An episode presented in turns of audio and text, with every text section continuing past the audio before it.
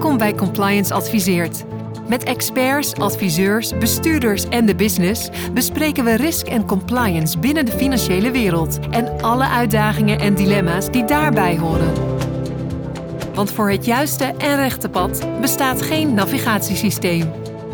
Deze podcast wordt mede mogelijk gemaakt door Hiargis en Partner in Compliance. Je host is Jeroen Broekema.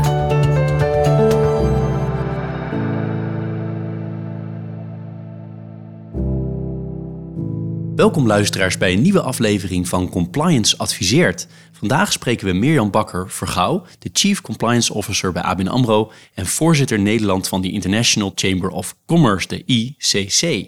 En we spreken met Peter van Leusden, antifraude en anticorruptie-expert bij Partner in Compliance, met daarvoor een lange carrière in de opsporing bij de FIOD. De aanleiding van ons gesprek is de Week van de Integriteit. En ook al nemen we dit iets eerder op, deze podcast, vandaag is het 1 december en dat is de eerste dag van de Week van de Integriteit. Leuk om jullie beiden hier aan tafel te hebben.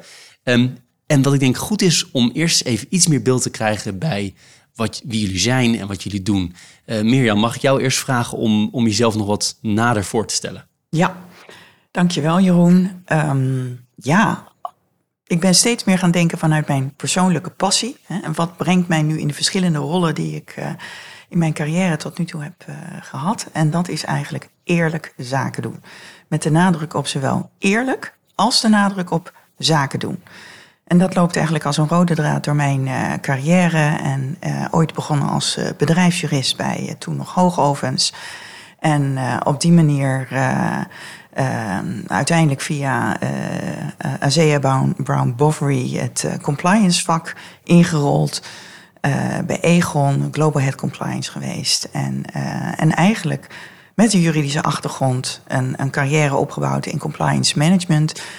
Waarbij ik eigenlijk op dit moment, als, er, als dingen beter kunnen, als er een grote verandering te bewerkstelligen is, ja, uh, men naar mij toestapt. En daar heb ik ook de, de meeste lol in om een bedrijf uh, beter te maken en te helpen uh, cultuurverandering door, uh, door te maken. En ik geloof daarin heel erg duidelijk in goed bestuur. En ehm, ja, beide eigenlijk. Dus die passie eerlijk zaken doen, die brengt mij ook bij ICC Nederland als voorzitter. Want daar gaat alles over eerlijk zaken doen. En dat is wat we met onze leden uh, willen bewerkstelligen op, uh, op verschillende fronten. Een mooie, mooie introductie. En nog even één vervolgvraag alvast. Dat eerlijk zaken doen gaan we zeker nog op terugkomen. Ja.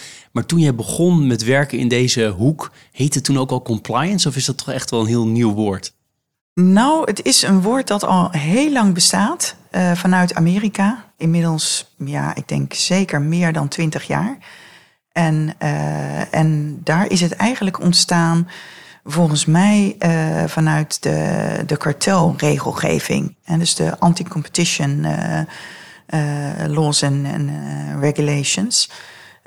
daar is dat, dat begrip volgens mij ooit ontstaan. En overgewaaid naar, naar Nederland. En niet alleen in de financiële sector, dat is een grote misvatting. want eigenlijk heb ik het woord leren kennen uh, toen ik bij uh, de, de, Nederlandse organisatie uh, werkte van ABB, Azea Brown Bovary, een heel groot internationaal concern destijds. En die hadden toen al een heel groot problematiek, een groot issue met de SEC in relatie tot export controls en sanctions. Een topic dat natuurlijk nu ook weer heel erg relevant is. ja. ja. En verder aan tafel Peter, Peter van Leusden. Wil jij jezelf ook verder uh, introduceren? Natuurlijk, leuk uh, om hier uh, aanwezig te zijn en deel te nemen aan deze podcast. Um, ja, ik heb al een ruime ervaring, denk ik, inderdaad in de opsporing. Je zei dat al. Ik heb, ben 40 jaar geleden, 42 jaar geleden om precies te zijn, begonnen bij de Belastingdienst. En ben ik daar fiscaal opgeleid. Uh, vrij snel heb ik toen de overstap gemaakt vanuit de controlepraktijken uh, naar de field. En dat was dus de opsporing. Eigenlijk, het, uh, ik zal er later nog iets over zeggen, denk ik. Maar het, ultimum remedium, het, de allerlaatste stap die je kan toepassen als er echt iets fout is binnen een bedrijf. in beginsel veel fiscale zaken gedaan. Um, ook grotere fiscale zaken gedaan. En eigenlijk ben ik op enig moment tegen corruptie aangelopen. De eerste casus die wij deden op corruptiegebied was uh, Ballas Nedam. En in die tijd, dat was 2010 ongeveer, Uh, toen was er in Nederland stond eigenlijk niemand opgesteld voor het bestrijden van buitenlandse ambtelijke en niet-ambtelijke corruptie. En dat was dus eigenlijk een, een, manco. En daar zijn wij ingestapt. we hebben die zaak gedaan. En daar hadden we ook wel wat geluk, omdat we daar een, nou, een hele zwarte administratie toegespeeld kregen. En dan is het vrij makkelijk. Maar in algemene zin is buitenlandse corruptie ongelooflijk moeilijk te bestrijden. Ehm, nou, na Ballas Nederland ben ik met SBM aan de gang gegaan. Hebben daar ook een grote zaak gedraaid. Uh, toen kwam ik in de LIBOR-kwestie terecht. Dat was eigenlijk iets heel anders even tussendoor. Uh, maar wel heel interessant. Het was mijn eerste ervaring met banken. In de tussentijd hebben we het anticorruptiecentrum van de Field uh, opgericht met een aantal collega's van mij. En ik denk dat dat een hele grote stap is geweest in de, in de bestrijding van corruptie in Nederland. En bij toeval eigenlijk uh, liep ik tegen de ING uh, Houston casus op. en hebben we met mijn team hebben toen het, het ING-onderzoek gedraaid. En waar ik zeg ik, moet ik, zeg ik nu al, want ik vaak, zeg, gebruik vaak het woord ik, maar ik bedoel echt wij. Want dit soort zaken kun je alleen maar in een teamverband oplossen en met, met hele goede rechercheurs. Nou, dat hebben dus ook gedaan. Dat hebben we, denk ik, ING vrij snel gedaan, relatief snel. een jaar hebben we ongeveer het feitencomplex gedaan voor, het, voor de rechtspersoon, verdenking. En daarna hebben we nog gewerkt aan het feitelijk leidinggeven, verboden gedragingen. Nou, dat, dat heeft alle kranten gehaald en nog steeds loopt dat. Met natuurlijk de kwestie van meneer Hamers. In de tussentijd uh, ontstond uh, nou een tweede probleem bij een andere bank. En heb ik ook de ABN AMRO Bank nog opgestart. En die heb ik ook tot en met het feitencomplex uh, mogen, mogen leiden als projectleider. En toen stond ik op een punt van 40 jaar opsporing, 60 jaar geworden. als je nog eens een keer wat anders wil, dan is dit het moment. en mijn uh, probleem met de opsporing was een beetje vooral de enorm lange doorlooptijden van onderzoeken. Gemiddeld onderzoek, strafrechtelijk onderzoek, duurt 48 tot 54 maanden. En ik vond dat gewoon niet meer uit te leggen. Ik, ik, ik kon daar slecht mee omgaan. En mijn vrouw zei op enig moment tegen mij: Ja, je wordt een soort langspeelplaat, je zegt het al heel lang. Um, en wat doe je er zelf aan? En toen dacht ik, ja, daar heb je wel gelijk in. Als je het niet kan veranderen, moet je ook eens naar jezelf kijken. Hou die spiegel eens voor. En, uh, en toen heb ik de stap gemaakt naar het, uh, het, bedrijfsleven. Ben ik bij Partner in Compliance begonnen. En van daaruit heel erg uh, hebben we de visie in het preventieve met name heel erg proberen bedrijven, corporates, maar ook gemeentes, overheden te helpen om die compliance op orde te krijgen, om compliant te zijn, om integer te zijn. Uh, dus wij hebben heel veel, steken heel veel effort in dat, in dat voortraject. En daarna proberen we, als er dan toch shit aan de knikker is, proberen we te helpen. Proberen we het oliemannetje te zijn, te begeleiden, te, te nou ja, zeg maar in het proces ook stappen te zetten. Die, dat het allemaal wat meer smooth verloopt, wat, wat soepeler. En eventueel, als we dan aan de eindfase zitten en het onderzoek is afgelopen, dan kijken we naar de remediation. En nou, dat is ook iets wat ik met, uh, uh, met Mirjam al eerder, en daar hebben we elkaar ook ontmoet. Zeg ja, maar. Dat, dat, mag ja. je daar onderbreken? Want wel nieuwsgierig naar hoe kennen jullie elkaar nou eigenlijk? Nou, inderdaad, in dat traject bij de Field heb ik al heel veel geïnvesteerd in het zelfonderzoek. Uh, dat is iets waar we misschien straks nog opkomen. dus het zelf onderzoeken door bedrijven van, uh, van feiten omstandigheden. Uh, en dat eventueel als er misstanden zijn, dat dus te melden. Nou, bij uh, SBM hebben we zo'n casus aan de hand gehad. SBM heeft min of meer zelf ook onderzoek gedaan. We hebben dat nou een soort hybride vorm. Maar de Field heeft het ook gedeelte van het onderzoek gedaan. En in de natraject, toen het allemaal afgerond was, heb ik Mirjam ontmoet als nieuwe compliance officer daar. En Mirjam was heel erg van, ik wil verbeteren, ik wil die cultuur veranderen. Wat ze net ook al in de, in de inleidende woordje zei. En dat sprak mij heel erg aan. En ik heb daar mijn medewerking aan gegeven door zeg maar, te helpen bij de training en, coaching van het management met name. En dat hebben we denk ik een tweetal sessies uh, gedaan. En dat ja, was, uh, dat was zeer impactvol. Um, ja, en dat is inderdaad uh, waar wij elkaar, waar denk ik onze gezamenlijke passie zit, als ik nu Peter aankijk. Om het vanuit de, de haarvaten eigenlijk weer op te bouwen. Uh, en dat ook op een manier te doen dat het uh, that it makes sense. It's need, it needs to make business sense. Uh, dat je eerlijk zaken doet. ja, dat. Dat is een mooi, en, mooi bruggetje ja. dat je Engels begint te spreken. Want je bent dus voorzitter van de ICC in Nederland. Wat, wat houdt die rol precies in? Ja. En wat doet de ICC precies? Um, ICC um, is de eigenlijk. Hè, dus ik ben voorzitter van het Nederlandse chapter. Uh, er zijn 90 chapters wereldwijd. ICC uh, Global is de grootste organisatie, belangenbehartigingsorganisatie van het bedrijfsleven. Op het internationale front. Wij zijn, en wat bedoel ik daarmee? Uh, wij zijn waarnemersstatus, hebben wij bij de Algemene Vergadering van de UN, de Verenigde Naties. Er zijn directe contacten met de World Trade Organization. Daar beïnvloeden we ook. Uh, dus we zijn de grootste lobbyorganisatie, uh, private lobbyorganisatie, vertegenwoordigend uh, het bedrijfsleven in dat internationale politiek-economische, geopolitieke gremium. Dus ik noem de OECD, ik noem de UN. Uh, ook Europees op het gebied van regelgeving. We hebben een groot internationaal arbitrage-instituut, wat heel bekend is, denk ik, ICC-arbitrage. En uh, binnen Nederland hebben we meer dan uh, 120 leden. Vanuit corporates, maar ook advocatenkantoren, grote consultancykantoren. Om samen dat speelveld van het creëren van level playing field op eerlijk zaken doen, te creëren. Uh, maar ook om standaarden te creëren waar het bijvoorbeeld gaat om digitalisering, mededingingsrechtelijke uh, regelgeving. Ehm, ja, dat. Heel erg. dus, en ook kennis te delen met elkaar en een stukje benchmarking te doen. Het samen beter te maken en te beïnvloeden, kort gezegd. Ja, ja. helder. En is nou dat eerlijk zaken doen, hè, wat, mm -hmm. wat voor jou zo, zo, zo kern is van, jou, van je loopbaan, zoals je eerder beschreef, met al die landen waar de ICC actief is, is eerlijk zaken doen dan een term die voor iedereen dezelfde lading heeft? Of is eerlijk zaken doen in land X heel anders dan eerlijk zaken doen in Nederland? Dat is een hele goede vraag. Er is natuurlijk allerlei theorie over hoe dat precies zit, want iedereen werkt vanuit zijn eigen context. En wat nou zo mooi is aan uh, eigenlijk ook überhaupt, als je kijkt naar de OECD uh, anticorruptieconventie, dat het ultimately de bedoeling is dat we samen één taal, één collective view hebben, één collective definition creëren met elkaar. En eerlijk zaken doen is dan natuurlijk een enorm groot begrip, dus daar zijn we nog lang niet. Maar waar dat wel aan het komen is, eh, is als we het hebben over wat betekent nu corruptie. En wat betekent nu uh, prevent, detect en respond uh, ten aanzien van buitenlandse corruptie, maar ook in Nederland trouwens hebben we soms heel erg veel boter op ons hoofd.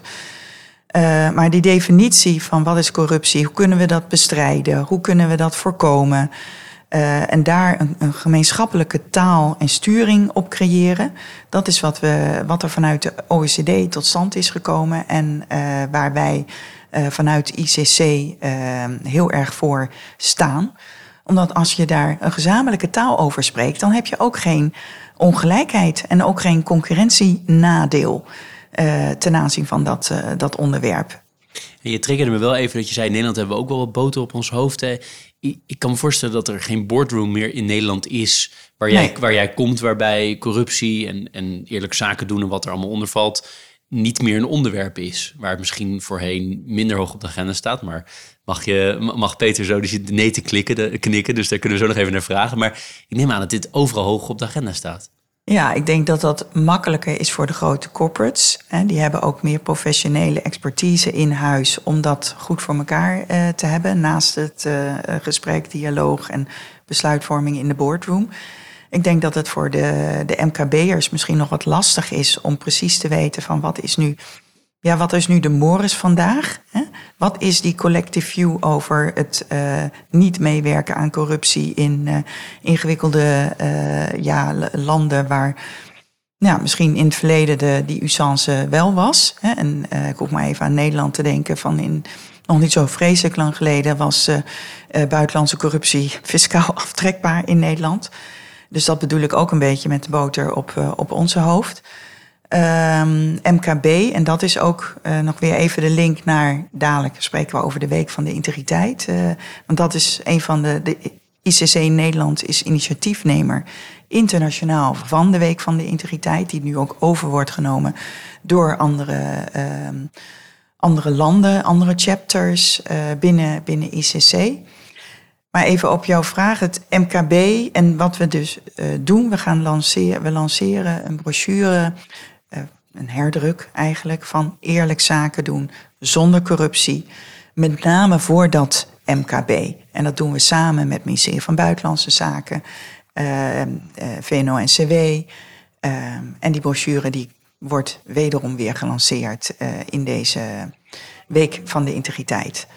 Dus MKB, ja, die hebben hulp nodig om die collective view van wat is, hoe voorkom ik nu corruptie?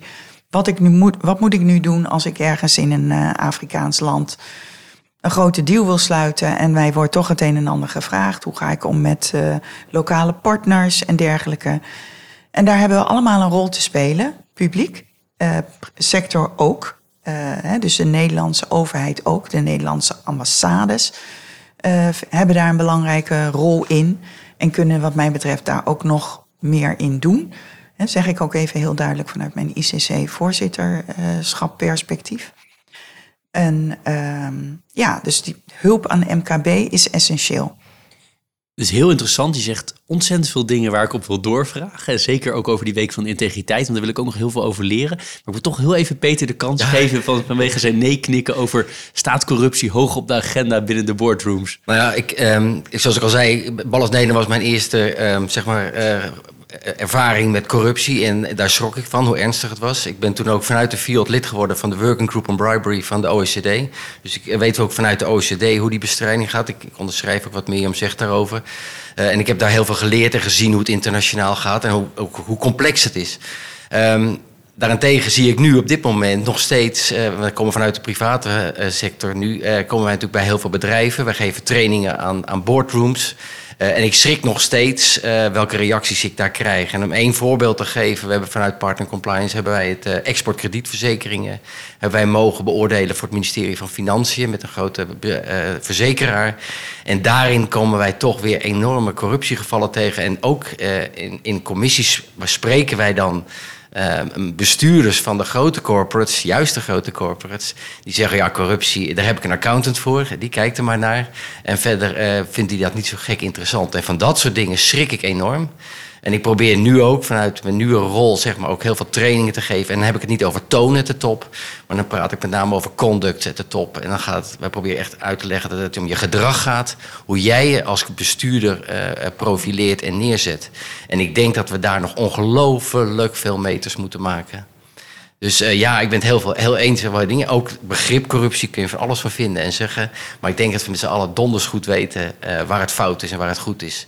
En ik vraag steeds ook bij die bestuurders: kun jij s'avonds in de spiegel nog goed naar jezelf kijken met wat je die dag hebt gedaan? Ja, dat jij, jij kan natuurlijk heel goed meer ook vergelijken internationaal. Hè? Is, is, doen wij het als Nederland dan relatief goed wel? Of kunnen we dat ook niet stellen? Als je naar de naar OCD en ook naar de Transparency International Corruptie Perception Index kijkt, staan we, dacht ik, dit jaar weer op de achtste of negende plaats. Dus we zitten altijd wel in die top 10. Dus ogenschijnlijk doen we het best goed. En als je naar, de, naar, de, naar het OECD-rapport fase 4 kijkt, lijkt het ook wel dat we het, dat we het redelijk doen. Uh, maar er is nog ongelooflijk veel te, te winnen. Ja. En juist in die perceptie, denk ik, is nog heel veel te winnen. Ja, en daar zat ook mijn, uh, mijn twijfel in. En wat je dus heel veel ziet, hè, zowel bij grote internationale concerns buiten Nederland, maar ook uh, binnen Nederland, um, is dat er toch eerst iets fout moet gaan, helaas, uh, voordat het op de agenda komt in een boardroom. Um, en dat is wat je eigenlijk met elkaar zou willen veranderen. En nou ja. waarom wil je wachten totdat er een groot incident is? Uh, en dat besef creëren dat het veel meer waarde heeft, ook voor de, de lange termijn uh, waardecreatie van een onderneming, uh, om het te voorkomen en een businessmodel te creëren waarin je geen corruptie nodig hebt, is ook financieel gewoon vele malen goedkoper dan dat je, los van alle ethische en integriteitsaspecten, uh, van dat je daar allemaal uh, doorheen gaat. Want je hebt het voordat je het uit je haarvaten van een organisatie hebt en inderdaad een ander businessmodel. Uh, en de toon at de top verandert, maar niet alleen at de top, at de middel en in het DNA, ben je gewoon uh, een reeks aantal jaren verder. Dat is wel mooi, want je hebt eerlijk en zaken doen. Hè, voor jou die cruciale woorden. We hebben ze ja. al een paar keer aangehaald. Maar het leidt dus ook eerlijk zijn loont dus in deze. Hè. Vaak zeggen ze ja. criminaliteit loont. Maar in dit geval eerlijk helpt dus ook om Nou, als er iets is wat ik in mijn carrière heb gezien... dan zie ik wat het allemaal kost Ook eh, niet alleen financieel, ook financieel, maar ook wat het doet met de mensen, de medewerkers, die natuurlijk, eh, niemand, niemand wil corrupt zijn. Dat is ook een grote misvatting dat dat uh, iets is wat mensen dan, hoe zeg je dat, vanuit persoonlijke interest doen. Vaak is dat juist niet zo. Dan is het vanuit, en dan kun je zeggen, ja, hartstikke fout, maar dan is het vanuit het interest om het bedrijf, nou ja, tussen aanhalingstekens verder te helpen. Uh, dat er dan, nou ja, in het verleden dan met agenten werd gewerkt, et cetera, et cetera. Maar dat is ook, ja, dat is uh, voordat je dat helemaal in een DNA van een organisatie hebt omgezet, dat je dat niet nodig hebt. dat andere bedrijven dat inmiddels ook allemaal niet meer doen. Uh, dat het een uh, old school practice is die, die gewoon niet meer rendeert. Ja, dat, dat duurt voordat je dat uit de genen hebt. Maar mag ik erop aanvullen misschien? kijk, um, de first line is in heel veel, hè, de, business line is in heel veel bedrijven toch ongelooflijk sterk en krachtig. En het heeft heel lang gekost, denk ik. En dat, ik denk dat we daar nu verschuiven zien dat die second line, de compliance functie en die third line, de, de audit, dat die sterker en steviger worden. En dat zijn denk ik ook die DNA die je denk ik ook bedoelt. Die DNA zit nu nog heel erg gefocust bij veel bedrijven op die business binnenhalen en die commercie. De perverse prikkels van, van, van orders binnenhalen en daar dus heel veel geld mee verdienen. En ik denk dat we juist in de laatste jaren zien dat die, die tweede en die derde lijn sterker worden. Maar ook dat de commissarissen sterker worden. Um, dat, de, dat de toezichthouders betere dingen gaan doen. En dan kom je misschien pas helemaal aan het eind hoop ik eigenlijk bij het ultimum remedium van die opsporing terecht. En daar moet je bij wegblijven. En dat is ook het fijne van, dat, van het anticorruptiecentrum van de FIOD. Dat zie je ook, dat die ook heel veel doen aan voorlichting. Ook proberen op dat vlak niet alleen maar die strafzaken te draaien... maar ook kennis te vergaren, kennis te delen met elkaar. En uit te leggen aan bedrijven wat er nou fout gaat... en wat, hoe erg dat kan zijn. Ja. Dus preventie, preventie, preventie, educatie. Is dat ook waarom de Week van de Integriteit geboren is? Of absoluut. waar komt die vandaan? Hoe, ja. ja? Nou, inderdaad. Dus het promoten van integriteit en, en dat ook doen uh, vanuit een multi-stakeholder perspectief.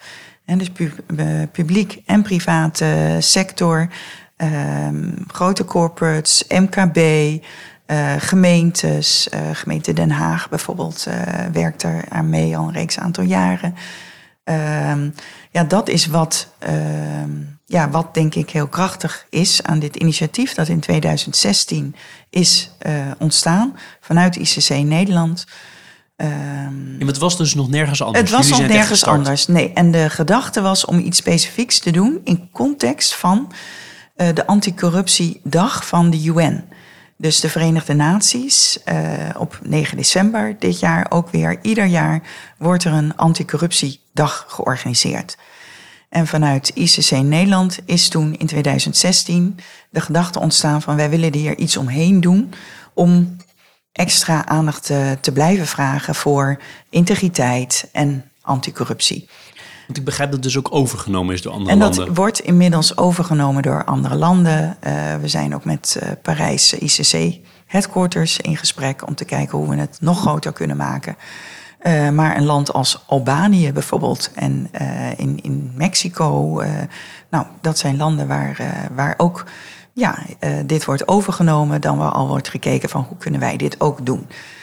Nou dat is natuurlijk fantastisch. Dus het promotie uh, van de week van integriteit, daarmee draagt dat ook bij aan wat ik eerder benoemde, die collective view, die common language over wat is integriteit.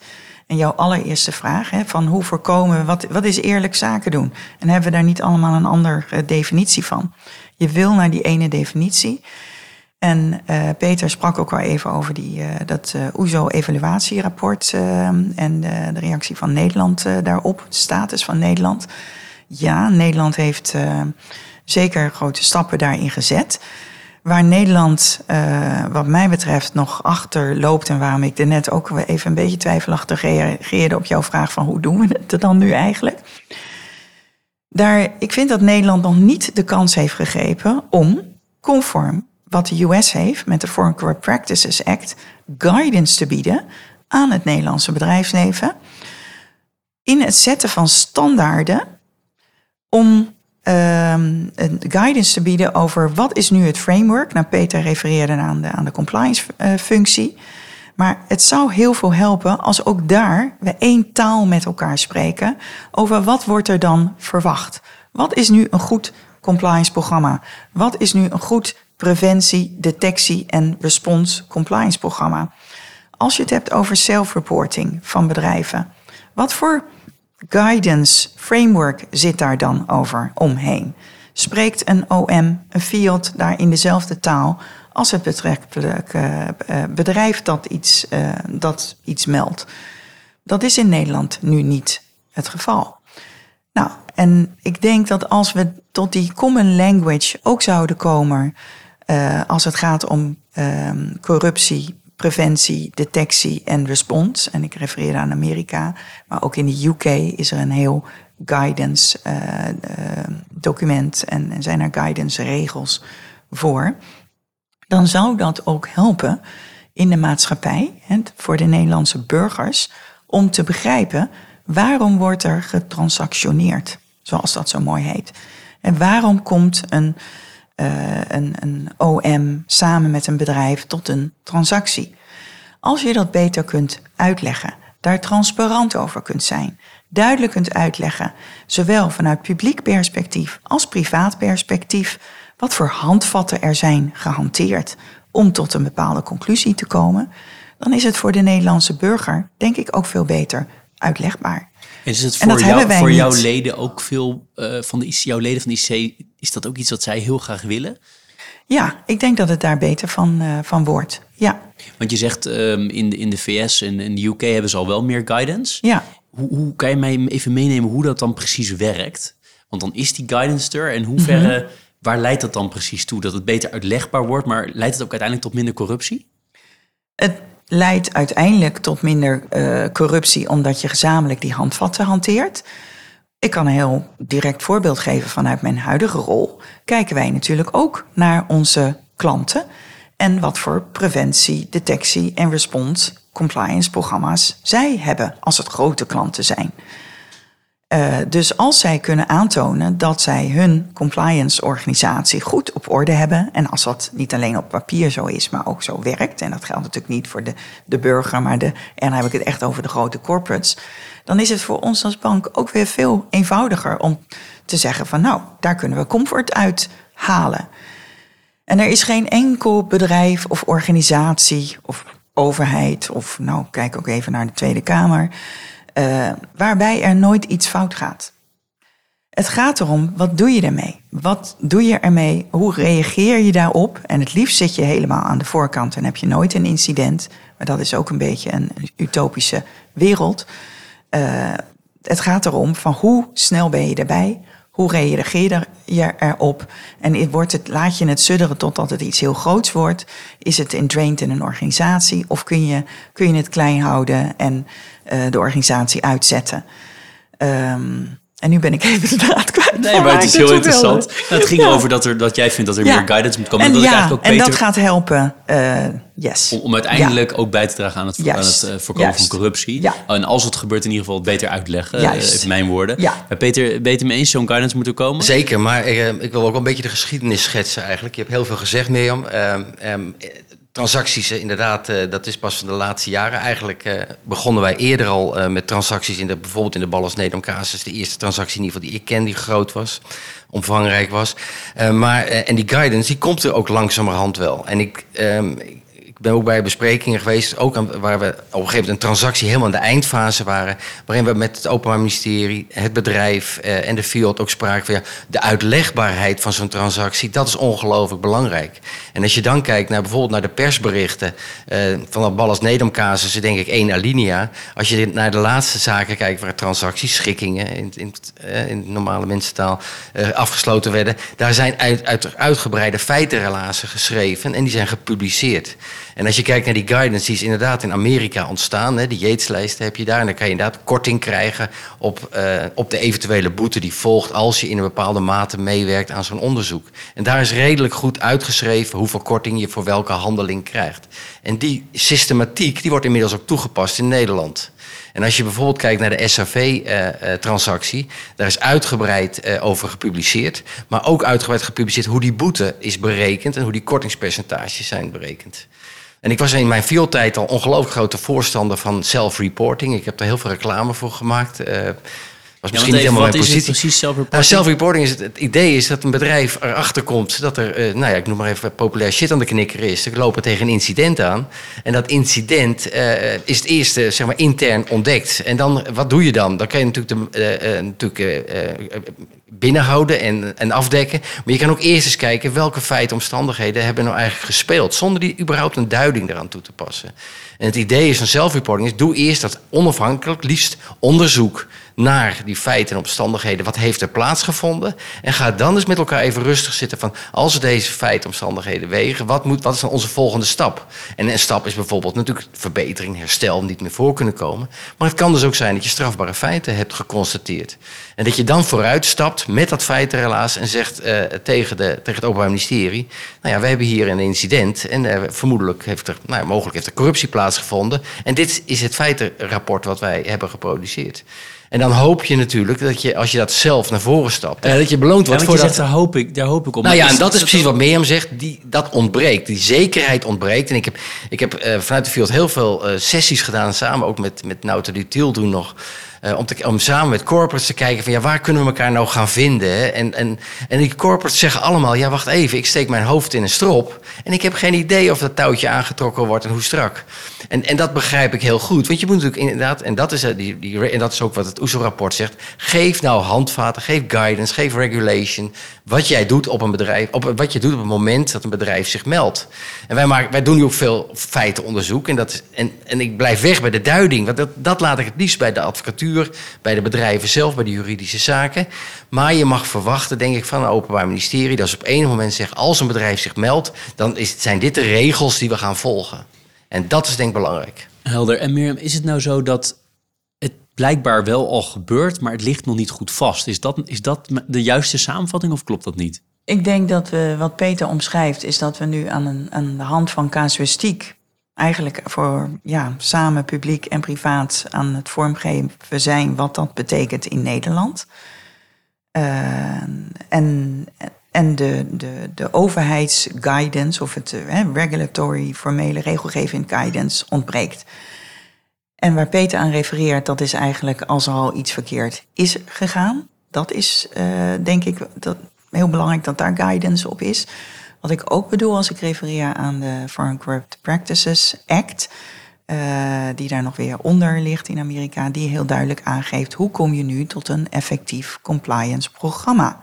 Dat niet alleen, waarbij je niet alleen acteert als er problemen zijn, maar dat je ook helpt om uh, problemen buiten de deur te houden. En wat voor rol uh, en hoe doe je dat vanuit een toonnette top, vanuit een bestuur, vanuit de compliance functie. En daar zijn uh, hele concrete handvatten voor vanuit de US en ook in de UK. En dat hebben wij ook niet in Nederland. Nou, dat is een, mooie, een mooi punt voor de, inderdaad voor de lobby, die je ook uh, vertegenwoordigt. Um, dit is razend interessant. En niet in Europa. Nee, dus in Europa nou, dat is, Ja. aan het, dat, is, dat is niet helemaal waar. Dus is, er is, uh, dus de Fransen, inmiddels heb je Sapin 2. Dus er zijn wel dingen aan het, uh, in beweging op Europees level. Misschien dat het daar ook wel uit moet komen. Ik denk dat Ja. alle vlakken ook wel aan het bewegen is op dit moment. Ja. Ik denk ook echt wel dat we de goede kant op gaan. Maar er zijn nog hele grote stappen te zetten. Ja. En ik verwijs ook wel even naar de, naar de vernieuwde aanwijzing hoge transacties. Die is ook verbeterd. En dat zegt de OESO geeft daar ook een compliment over. Je had natuurlijk een, je had al een, een, regeling voor die transacties. Maar die is vernieuwd en die is verbeterd. En daar zit ook veel meer toetsing op nu. En dus we zien wel de, de goede stappen.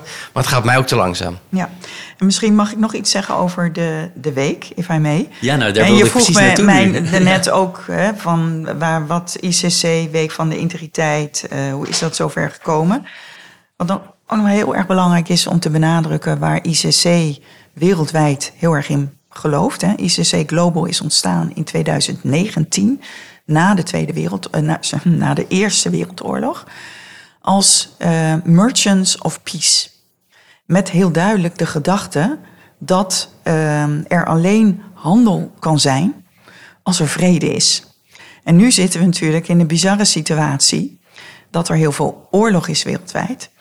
Uh, en uh, dat als en het, het fundament van zaken doen blijft dat je een level playing field moet hebben uh, om met elkaar vanuit er moet transparantie uh, zijn om met elkaar zaken te kunnen doen. Er moet vertrouwen zijn als basis, niet alleen van het financiële stelsel, maar überhaupt van zaken doen, is vertrouwen nodig. Integriteit is daar de ultimate basis van. Um, ja, en die week van de integriteit, die draagt daar, uh, daar geloven we heel erg duidelijk in, dat dat ook fundamenteel is om te helpen de regiefunctie die het bedrijfsleven heeft, om dat vertrouwen uh, te blijven ondersteunen. om daar een vorm aan, aan te geven.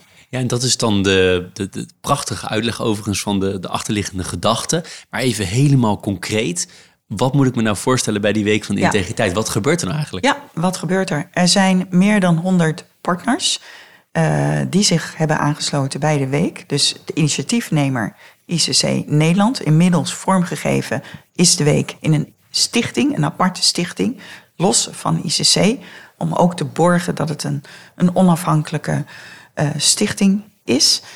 Um, en wat gebeurt er? Meer dan 100 partners hebben zich aangesloten vanuit allerlei, ik noem nou even de gemeente Den Haag, grote, kleine bedrijven, um, overheidsinstanties uh, hebben zich hierbij aangesloten. ABN AMRO ook? ABN AMRO ook, yes, absoluut. Um, al een reeks aantal jaren. En uh, wat er gebeurt er? Wat gebeurt er? Iedere partner organiseert in context van die week eigenlijk zijn eigen evenement. Om ook weer op eigen wijze uh, integriteit in te vullen en uh, te promoten. En het belang daarvan uh, naar voren te brengen. Heb je daar voorbeelden van? Bijvoorbeeld vanuit de gemeente Den Haag of ABN AMRO of een andere corporate, wat ze dan precies doen? Um, wat ze dan precies doen? Uh, ja, dat zijn voorbeelden van learning events. Um, en ja, diverse learning events worden daarvoor Vooral voor medewerkers of ook naar buiten voor toe? Voor medewerkers. Nog wat weinig vinden wij vanuit de week naar buiten toe. Meestal is het intern gefocust om integriteit onder de aandacht te, te, te brengen. Bij SBM Offshore, in, nu weet ik het niet, maar in het verleden hebben we dat ook gedaan. En gebruikten we dat om, om extra learning uh, te doen op elementen van de Code of Conduct, dilemma-workshops te organiseren, bijvoorbeeld dat soort zaken. En dat doen we binnen de bank uh, ook. Um, ja, dat. Leuk, ja. hartstikke leuk. Nou, ook leuk dat, uh, dat er dus daarmee eigenlijk een podcast wel moest komen om het ook meer ja. naar buiten te brengen. En er is natuurlijk een openingsevent op uh, ook 1 december georganiseerd door de week zelf. Met een aantal sprekers om uh, de week te openen. Ja. En de week te sluiten. en dat is nog wel aardig om even te vermelden. Normaal gesproken, de afgelopen jaren hebben we dat door COVID niet live kunnen doen in het Vredespaleis.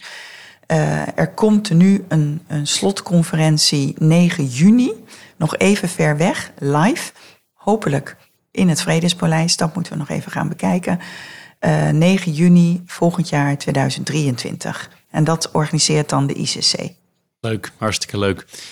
Je begrijpt dat Partner Compliance heel graag partner wil worden van ICC. In, in met name ook om. En we zijn ja. in gesprek hè, daarover heel goed. En uh, daar ben ik ook heel blij om. Met name ook omdat wij juist graag naar buiten willen treden met, uh, met die integriteit uh, vraagstukken.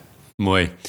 Ik wil het hier eigenlijk bij gaan afronden, maar mijn gewoonte is om toch altijd nog even mijn gasten te vragen: is er iets? En er is heel veel, dat weet ik. Want er zijn, ik heb ongelooflijk veel zijpaadjes opgeschreven die we ook nog zouden kunnen bewandelen. Maar we willen toch een beetje binnen een beperkte tijd um, deze podcast uh, vormgeven. Maar is er nog iets waarvan jullie zeggen, dat ik toch even graag nog willen delen? Kijk jou even eerst aan, Peter. Ja, um, ik denk dat we um, als integriteit en corruptie met name willen, uh, corruptie willen bestrijden en integriteit willen waarborgen, uh, dan denk ik dat we veel meer naar een gezamenlijke aanpak moeten. Een veel bredere gezamenlijke aanpak waarin alle partijen hun rol pakken.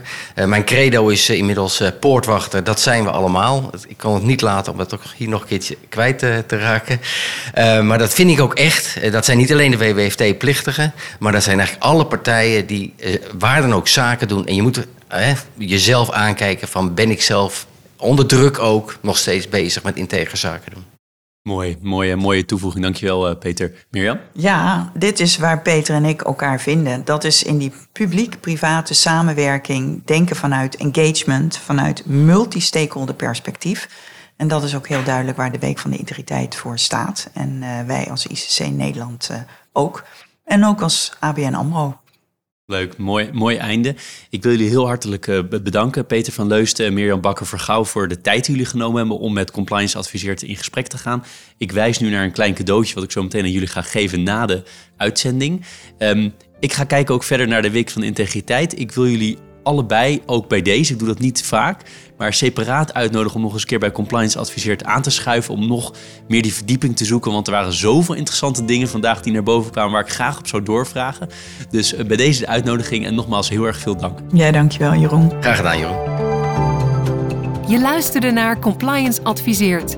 Deze podcast werd mede mogelijk gemaakt door Hiargis en Partner in Compliance. Meer weten of een reactie achterlaten? Dat kan op onze LinkedIn. Als je ons daar volgt, ben je bovendien altijd op de hoogte van nieuwe afleveringen. Natuurlijk zijn we je zeer dankbaar als je een review achterlaat en meer mensen vertelt over deze podcast. Vergeet ook niet te kijken naar de andere podcasts op ons kanaal. Er zit vast iets tussen dat je aanspreekt. Bedankt voor het luisteren.